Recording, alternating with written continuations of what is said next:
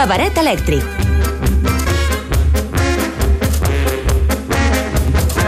icat.cat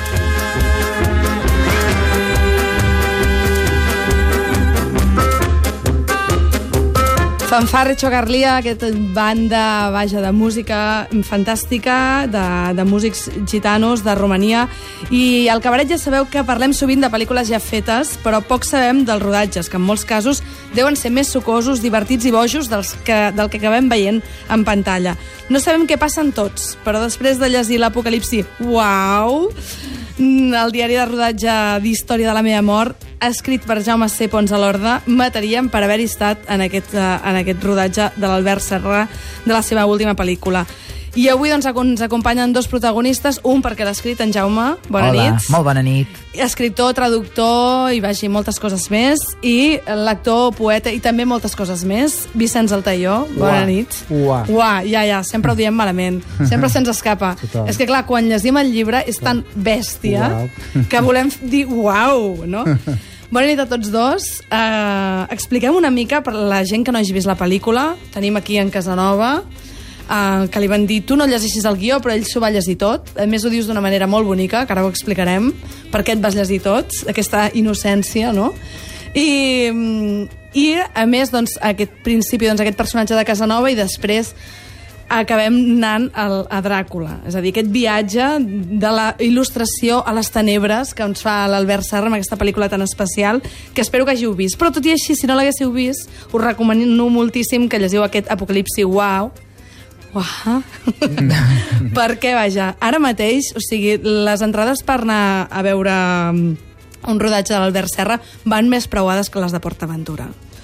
Eh, Expliqueu-nos una mica com, com, qui va enganyar qui? Perquè tu en el llibre expliques que tot va començar en una cafeteria d'aquí al costat de la ràdio. Efectivament. Però tu li vas dir a l'Albert Serra soc superfan, vull anar a escriure el teu llibre de rodatge, va ser al revés i no ens ho has explicat? Com ha anat la cosa? Va ser molt senzill. En aquella època varen coincidir unes quantes vegades a través d'amics comuns, que són els Mhm. qui dirigeixen el Festival de Poesia, Pepe Sales independent, que organitzen cada any dediquen una figura. Jo vaig conèixer en Albert Serra en persona ja per primera vegada. Vas enamorar? Uh, de la persona no Vull dir, jo, jo sincerament la persona uh -huh. sempre me provoca una sèrie de reaccions molt contradictòries el uh -huh. que sí me va fer cinema i me va enamorar són les seves pel·lícules uh -huh. jo, tro jo quan vaig descobrir aquell cinema que era una cosa absolutament diferent nova, inèdita, poderosa mai fet abans a- en la cultura catalana vaig dir, això és un dels grans i a més a més quan veus l'edició dels seus DVDs a intermedio que surt amb un llibre seu explicant o no de cavalleria plana de plana quedes absolutament meravellat per les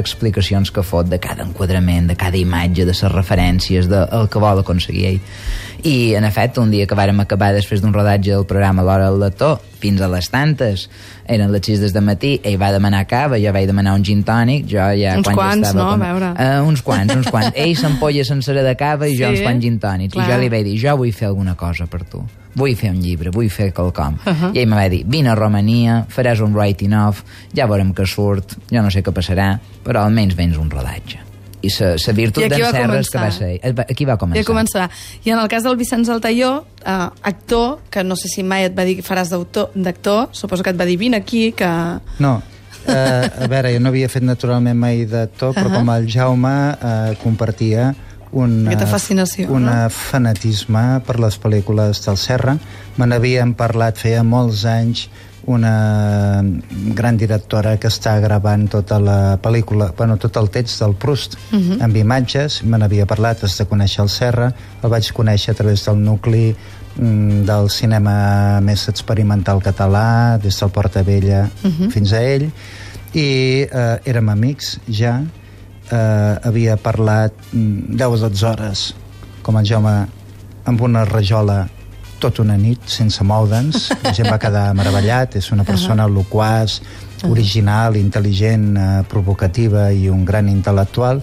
I em va convidar a dinar i em va dir directament eh, m'agrada el teu nas eh, tu sense ulleres i amb perruca t'assembles en el Casanova. Uh -huh. Estàs més moreno ara que et veig aquí, eh? No, eh, Tens més bon color de cara. Allà, allà també. Amb, amb, Sí, sí, però amb- allà, allà et van empolainar de blanc, Sí, eh? empolaïnat total. I va ser així que em va proposar d'anar-hi. Em va dir també vindrà a Pont Salorda, com dient, a part de la No trupa. sol, no estarà no estarà sol. sol. N'hi haurà un dels teus. I li vaig dir què he de fer. Mhm. I va ser quan ell em va dir no has de fer res, només que si ve un os perquè re, en, Això ser- en els boscos de Romania n'hi ha, no? t'has de treure la roba, posar-te braços en creu i eh, córrer avall, però mai recte. I llavors li vaig dir, ah, sí, com el Miró, que va, com les teves pel·lícules Exacte. també, no? que van amb zigazaga, amb corbes, Uh -huh. amb símbol, I aquí se us van il·luminar els ulls a tots dos, una miqueta. fabulós. Hi ha una manera molt bonica que ho expliques tu, Vicenç, eh, que, vas, que ella et va dir no llegeixis res, o sigui, et va donar un guió però no, no l'has de llegir. I tu dius al pròleg, hi ha gent que per sàvia no ha de llegir res i altres ho hem de llegir tot per ser purs i innocents. I el viatge de les pel·lícules d'Albert Serra, que ho explica tota l'estona en Jaume Pons, és un viatge a la innocència. Totalment. La innocència del que ho vols saber tot, però fa veure que s'han oblidat, no? Una mica? Sí, bé, jo en, en allà explico primer que hi ha dos productes, que és el que la gent tindrà. Hi ha una pel·lícula i hi ha un llibre. I cadascun d'ells són grans i tenen la, la seva autonomia. És tan gran el llibre del Pont Salorda com la pel·lícula, literàriament, uh -huh. i, i és independent, malgrat que ens explica eh, de què va la pel·lícula. Perquè el Serra pretén, al meu entendre, donar la magnitud, la grandesa que la literatura havia tingut i que avui ha estat robada per la literatura dels mass media. I, en canvi, vol utilitzar el cinema, que és l'art per excel·lència dels mass medies, i donant-li el valor de la literatura. Per això el Serra agafa personatges literaris, fins ara, Uh -huh. com El Quixot. el, Quixot, el Reis d'Orient uh -huh. i en aquest cas el Casanova i el Dràcula, que són vides fetes literatura. Uh -huh. Això també surt en aquest llibre explicar això, doncs, com, com emula la literatura des del, des, de, des del cinema, malgrat totes les incomoditats, els moments imprevisibles, els crits d'en Jordi Pau, aquell que havia de fer de Dràcula, que al final no va ser-ho, que va ser l'Eliseu, no? Totes Exacte. aquestes coses que s'escapen a la lògica, repetiríeu? Sí, no? Evidentment. Absolutament. No solament repetiríem, sinó que estàvem tan enganxats i, si més no, jo havia de tornar perquè havia d'anar a treballar a Santa Mònica Uh -huh. i vaig sortir de Santa Mònica amb tren i vaig tornar en tren i vaig anar directe amb la maleta perquè no podia deixar un pas per tornar a la realitat. Havia d'anar de la feina a la feina, per entendre'ns. Però si en aquell moment el Serra hagués dit queda't amb nosaltres, convertim això en una trup eh, a la manera gitana nòmada. Tu et quedes allà de I em quedo fanfarra allà i em canvien, em canvien el tema de la pel·lícula i jo m'hi Sí? quedo. Ho abandono tot. Sí, sí, sí. Jo, ja, ja es veu que hi ha com aquesta mena de- d'unió i de- d'unió molt forta. Com, com va ser... Uh, o sigui, què us fascina una mica els dos d'ell? Cada, cada un d'una manera, no? Tu també com a espectador suposo que vas veure moltes coses. Aquí hi ha una cosa genial, jo crec, que és que tothom opina, ningú és més important que ningú, i fins i tot hi ha gent que no ha vingut a fer res a la pel·lícula, però és tan important com els que sí que tenen un paper, no? És a dir, fins i tot la maquilladora no? explica moltes coses sobre el fet d'empolainar algú, no com fer-ho de la manera, i això és brutal, no? Tu, com a escriptor, també, veure-ho allò en, primera, en primer pla, Jo, la veritat és que el llibre se va fer tot sol, perquè jo ripa allà. Els problemes amb les càmeres, els problemes amb les filmacions, que les escenes no se filmen, que el bou no funciona, que després ara tenim aquesta que problemàtica... el conill no l'hem matat prou que, bé. Exacte, que el conill han de tornar a repetir, un no ho vol fer, diu, enga, Sancho, ho faràs tu, ell després no sé què se cansa, després els Clar, esquirols, hem després d'es- el corp... Hem d'explicar a la gent que moltes de les coses que hem acabat veient tots els espectadors a la història del meu amor no van ser així. O sigui, primer el conill havia de matar un personatge, però com que aquell no s'atrevia, doncs el matava un altre. És a dir, aquí tot se salta, no? No Sí, importa sí. res.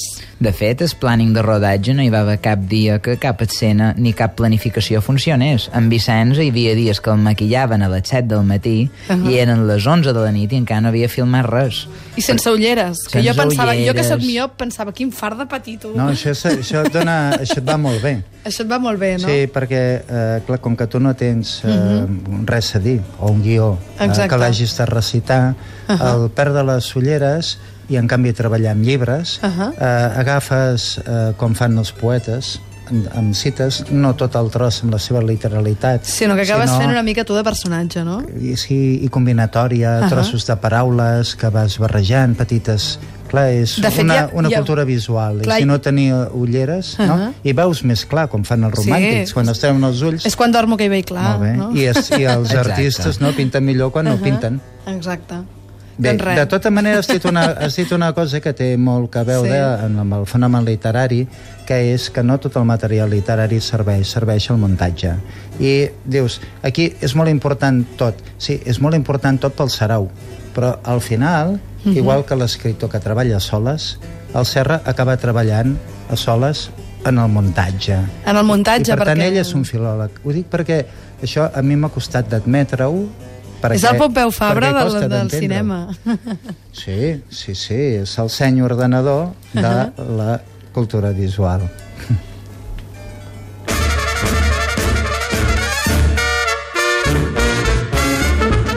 Més bogeria, a mi m'encanta sentir la fanfarra Xocarlia, perquè de veritat llegint el llibre no us podeu imaginar quina festa és en tot moment. En el mateix lloc on ells van filmar, havia de filmar Stanley Kubrick aquella història de Napoleó que al final no li va sortir. És a dir, quoi. o sigui, però a més a més, aquest mena de, de, de món maleït sembla que el persegueixi, perquè Quixot també ha estat la típica pel·lícula que en Terry Gilliam tampoc va poder fer mai. És a dir, que hi ha com una mena de allò de perseguir una ombra, no? Però Pràcticament. fixa't, Norson Wells, que enguany celebrem el seu centenari Sí? de naixement, Ahà. també volia filmar un Quixot que no va arribar a acabar mai fins que no va venir en Jess Franco i va recuperar tots els filmatges que havia fet durant tota la vida i va fer un muntatge que és desastrós, però és molt interessant. En Terry Gilliam no ho va aconseguir, un munt de directors no ho aconsegueix, però en canvi arriba en Serra i no només ho fa, sinó que fa que el personatge transcendeixi. Per això jo crec que és un gran director, és un director que sorprenia, és capaç de reptes que per altres persones són absolutament impossibles, ell ho fa real i a més a més ho porta a un altre nivell. I quin sentiment us ha perdurat més? El desconcert, eh, l'admiració? Com, com ho heu viscut tot això una miqueta? Bé, jo tinc eh, pel Serra una, un, un gran interès, eh, diguem-ne, no sentimental, uh -huh. saps?